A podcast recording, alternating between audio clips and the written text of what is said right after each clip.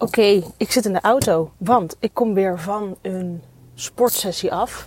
En ik zit helemaal hoog in mijn energie. En vanochtend had ik een mailtje gehad van een uh, oud uh, coachie van mij. En zonder daar, uh, op in details, zonder daar verder op in details te gaan. Oh, en nu krijg ik bijna een botsing. Flapdrol. Spookrijder.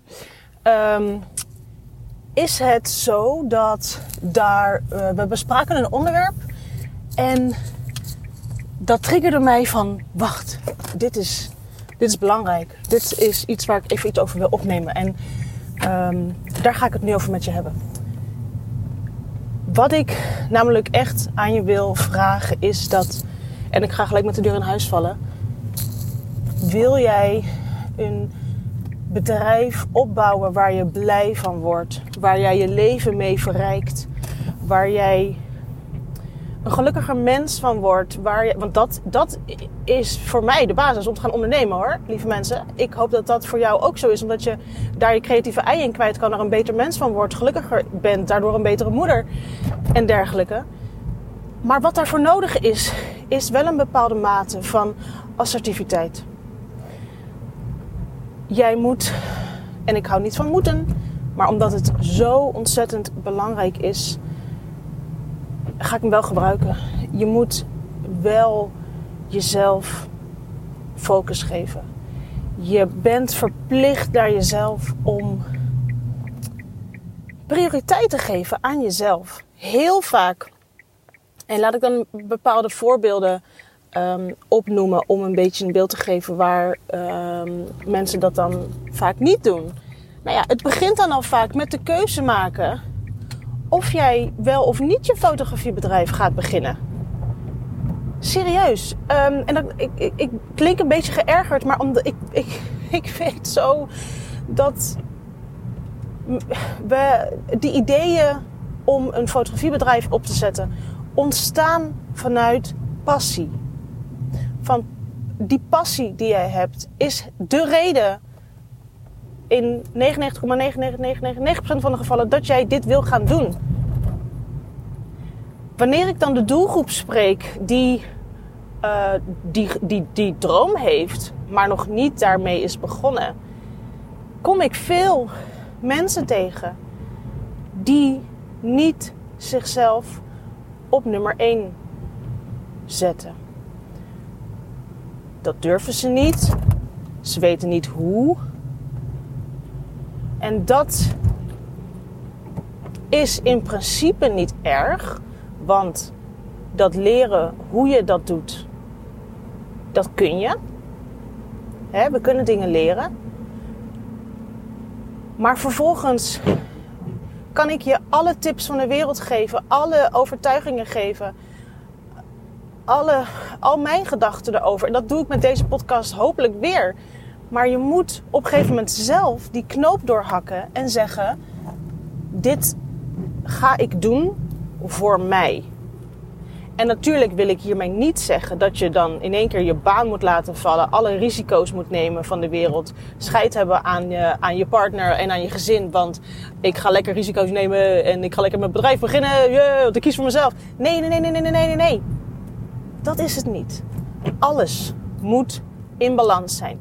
Alles moet gedaan worden zonder dat je te veel risico neemt. Al ben ik van mening dat je altijd een risico neemt, want de toekomst kunnen we niet voorspellen. Maar ik wil dat je ver weg blijft van te grote risico's. Als jij twijfelt of jouw risico te groot is, stuur me vooral even een DM. Ik heb daar alle ervaring mee, geloof me. Dus daarom wil ik ook niet dat je te grote risico's neemt. Maar als jij het zo goed doordacht hebt maar je, dus op papier zou het kunnen. Je kunt beginnen met jouw fotografiebedrijf in een situatie die passend is voor je gezin, voor, je, voor, je, voor jou en je partner, voor jou en je hond. Ik weet het niet. Maar als jij je dan laat tegenhouden omdat jij niet, hè, dat laatste stukje, omdat jij niet durft te kiezen voor jezelf, ja, ja dan, dan, dan is het voor mij klaar. Um, en niet vervelend bedoeld, maar weet je, ik kan het niet letterlijk voor je uitvoeren. Ik kan het niet letterlijk voor je doen. Dat kan maar één iemand. En dat ben jij. Een ander voorbeeldje is, hè, stel je dat bedrijf is opgezet. Super tof. Je hebt die keuze gemaakt. Daar word je blij van. En um, vervolgens komt het ondernemen om de hoek kijken. En dat is natuurlijk heel logisch, want dat hoort erbij. En dat is ook niet makkelijk. Zeker niet in het begin. Maar gun jezelf daar um, de tijd om dat te leren.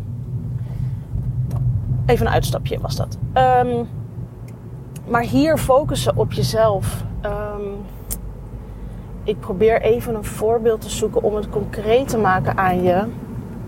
Wat ik even nu lastig vind, omdat ik hem vrij spontaan even opneem. Maar waar ik naartoe wil is dat, hè, even los van die eerste stap zetten, maar ook binnen je onderneming wil ik echt dat je focust op jezelf. Je moet, en dat, hè, nou ja, een voorbeeld is inderdaad het steeds blijven vergelijken. Vergelijken mag, um, maar met welke intentie? Dat, maakt het verschil. Vergelijken mag met de intentie dat je daar inspiratie uithaalt, motivatie uithaalt om vervolgens te groeien. Ik wil dat je daar bijvoorbeeld in ook echt focust op jezelf en niet doet wat anderen doen. Ik wil zo graag dat je voor jezelf leert denken. Waarom doe ik A? Waarom doe ik B? Waarom doe ik A niet? Waarom doe ik B niet? Zolang jij niet goed naar jezelf leert luisteren, kun je ook niet je eigen pad volgen. En zodra jij niet je eigen pad volgt, volg jij iemand anders zijn pad. En waar gaat je dat naartoe brengen? Niet naar die droom van jou. Dat kan niet, want het is iemand anders zijn droom die je aan het volgen bent. In ieder geval, hè, dat, die puzzel gaat niet jouw puzzel zijn. Dat is een fictieve puzzel. Dat is een, een voorbeeldje. Maar ook, ik had het net ook over assertiviteit. Je kunt, um, je bent jezelf ook verplicht om te focussen op jezelf als het gaat om niet altijd anderen meer kunnen en willen pleasen. Het stopt een keer. En dan kan het zijn in het gezin waar je in zit. Hè? Ik bedoel, je kan altijd, altijd anderen pleasen. Maar er is ook tijd en ruimte voor jou nodig. Het kan ook zijn dat je altijd, altijd klanten pleest. Andere mensen pleest. En daar kan een voordeel aan zitten.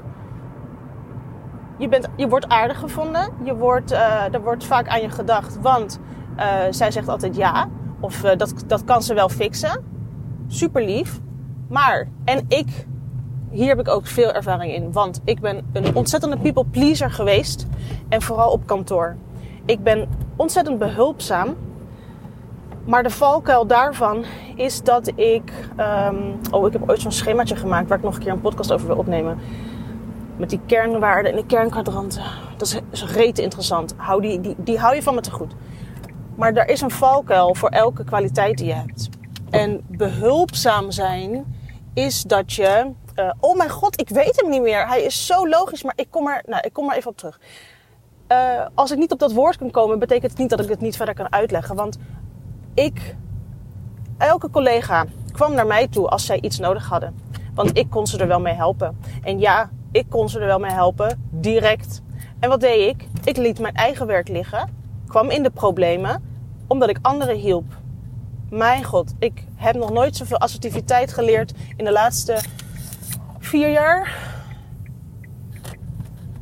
En dat betekent ook niet dat je, dat je altijd nee moet zeggen, maar je bent het jezelf verplicht om nee te zeggen. Wanneer het niet in jouw belang is. Wanneer die keuze niet in jouw belang is. Ontzettend belangrijk. Ik wil namelijk ook dat je, dat je het gewoon een keer probeert. Want weet je wat het is? Als jij um, bewust een oefening maakt van jezelf op nummer 1 zetten, gaat het wennen. Het gaat wennen. En je gaat na die eerste twee, drie, vier keer, en dat kan heel klein zijn met, met heel simpel um, een nee zeggen. Um, omdat het niet in het belang is van jouw plannen, of omdat je er nu geen tijd voor hebt. het gaat wennen en het geeft jou energie. Het geeft je letterlijk een soort bevestiging van, oh mijn god, heb ik nou net, heb ik net nee gezegd? Wow. En nu heb ik de hele middag voor mezelf om eindelijk dat ding te kunnen doen waar ik al zo lang tegenop hik. Of om juist helemaal niks te doen en te gaan relaxen, want dat verdien ik. Of om, om mijn andere prio's te kunnen doen, uitvoeren. Want dat is waar, hoe ik mijn, mijn bedrijf groeiende krijg. En niet om andere mensen te pleasen. Dat, dat wendt en dat geeft je weer de energie om dat vaker te doen. En nogmaals, want ik ga hem afronden, ik ben thuis. Ik, ik bedoel niet dat je een stijve hark moet worden, een, een, een botte persoon die altijd nee zegt en alleen maar hè, arrogant en, en um, um, niet meedenkend en dat soort dingen. Dat niet. Maar dat zit niet in ons DNA, dat weet ik. Maar je bent jezelf wel verplicht om voldoende aandacht te geven aan jezelf. Om je bedrijf te krijgen waar je dat naartoe wil brengen. En daarvoor is nodig in ieder geval een goede basis assertiviteit. En verwar assertiviteit alsjeblieft niet met um, bij de hand zijn of um, um, bazig of brutaal. Nee, assertiviteit is voor jezelf opkomen. Simpelweg voor jezelf opkomen. En doen wat jij jezelf hebt beloofd om te gaan doen. En maak van jezelf prio. In, in selfcare, maar ook in, in alle facetten daarbuiten. Je bent, je bent niet zomaar onder, je bent niet op de wereld gezet om, om, om weggecijferd te worden. En ik weet niet hoe vaak ik dit moet herhalen om tot je door te dringen, maar laat dit in ieder geval weer een keer zijn. En ik hoop dat het kwartje misschien nu wat harder valt dan gebruikelijk. Lieve schatten, ik ga ophangen, stoppen, kappen, want mijn kids die zitten te wachten. Ik hoop dat je hier een fijne boodschap aan hebt. Laat het me weten via een DM. Vind ik eigenlijk wel heel fijn als dit um, voor jou geldt. Tot de volgende!